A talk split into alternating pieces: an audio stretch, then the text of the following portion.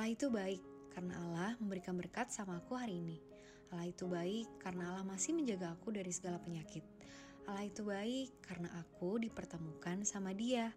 Hmm, teman-teman, Allah kita itu baik karena Roma 8 ayat 28 jelas berkata, Allah turut bekerja dalam segala sesuatu untuk mendatangkan kebaikan bagi mereka yang mengasihi Dia, yaitu bagi mereka yang terpanggil sesuai dengan rencana Allah. Tetapi kita perlu tahu bahwa mendatangkan kebaikan di sini bukanlah menurut kebaikan yang kamu mau, yang berhubungan dengan manusia, perkara, ataupun benda-benda jasmani. Mendatangkan kebaikan di sini ialah mendapatkan diri Allah sendiri ke dalam kita. Karena hanya Allah lah yang baik.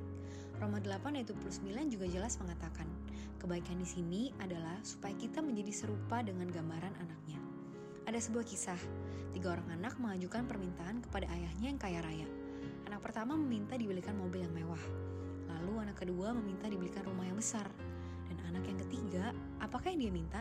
Dia cuma minta ayahnya. Iya, karena mendapatkan ayahnya berarti mendapatkan segala kepunyaan ayahnya.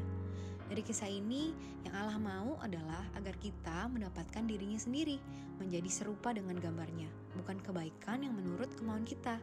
Inilah yang mendatangkan kebaikan yang paling bermakna.